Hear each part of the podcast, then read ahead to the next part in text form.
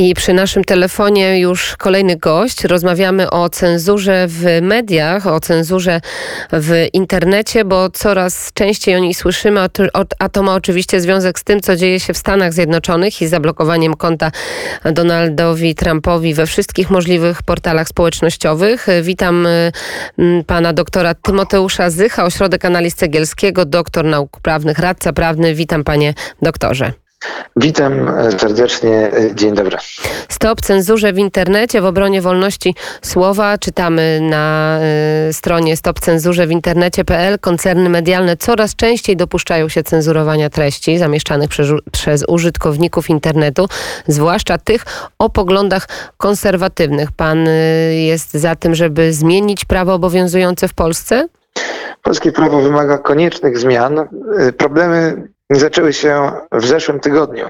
Doskonale wiemy o tym, że e, usunięcie konta amerykańskiego prezydenta Donalda Trumpa to jeden e, z tysięcy przypadków e, cenzurowania, czy jak określają to same portale społecznościowe, moderowania treści ze względu na poglądy polityczne ich autorów. W Polsce jeszcze kilkanaście miesięcy temu e, mogliśmy usłyszeć chociażby o usunięciu e, kazania e, arcybiskupa Jędraszewskiego, o usuwaniu takich dziennikarzy jak chociażby Paweł Lisicki czy Rafał Ziemkiewicz, ale także o tysiącach przypadków usuwania treści osób, które nie są e, publicznie znane, które tego e, doświadczały. No i to oczywiście bezpośrednio się przekłada na e, przestrzeń wolności słowa. W czasach PRL-u cenzura była regulowana ustawą, wszyscy wiedzieli, kto cenzuruje i jakie treści cenzuruje, wszyscy wiedzieli,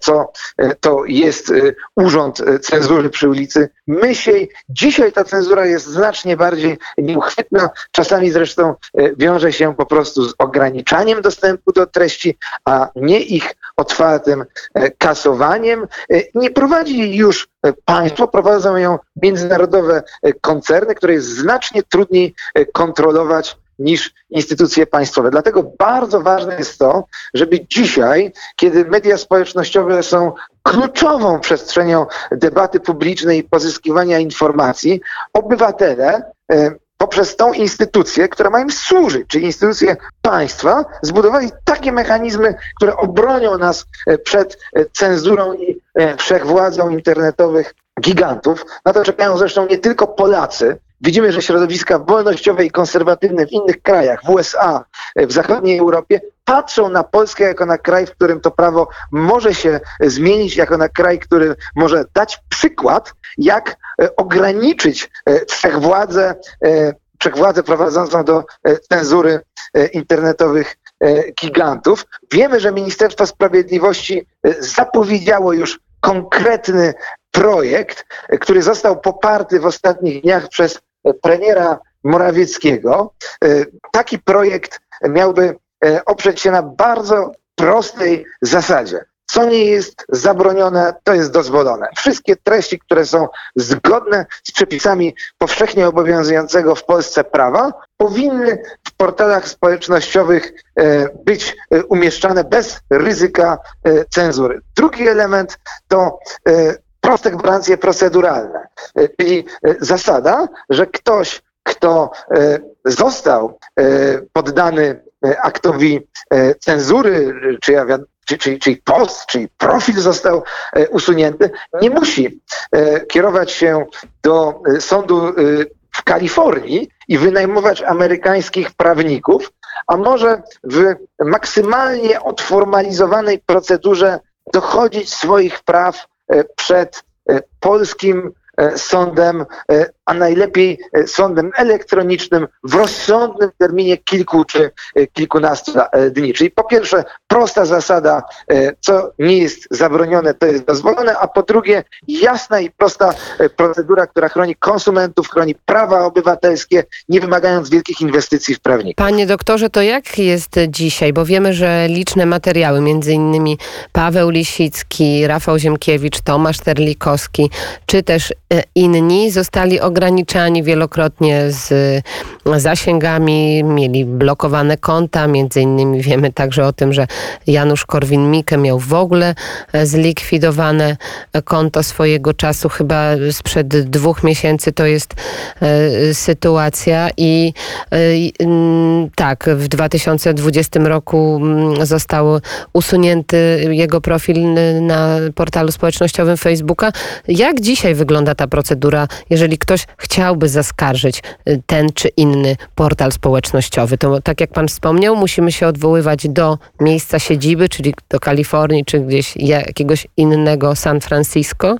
Oczywiście już dzisiaj obowiązuje prawo konsumenckie, które ustala pewne standardy umowne, obowiązujące każdego potentata e, międzynarodowego, niezależnie od tego, gdzie jest jego siedziba, e, jeżeli tylko prowadzi swoją działalność na terenie Polski. Tutaj nie ma znaczenia, czy mamy do czynienia z producentem samochodów, z producentem sprzętu AGD, czy z potentatem komputerowym. Każdy musi przestrzegać prawa. Jeżeli portal jest dostępny w Polsce, jeżeli oferuje swoje usługi w Polsce, to polskiemu prawu i prawu unijnemu zresztą też e, podlega. Rzecz w tym, że e, regulaminy portali częściowo są z tym prawem konsumenckim polskim e, niezgodne, a co więcej, bywają stosowane w sposób e, jednostronny, czyli interpretuje e, te regulaminy w dowolny sposób według swojego uznania administrator e, wielkiego portalu. W tej chwili toczą się postępowania precedensowe w takich sprawach ze, spra ze wsparciem Instytutu Ordo Juris. To jest między innymi postępowanie zainicjowane przez redaktora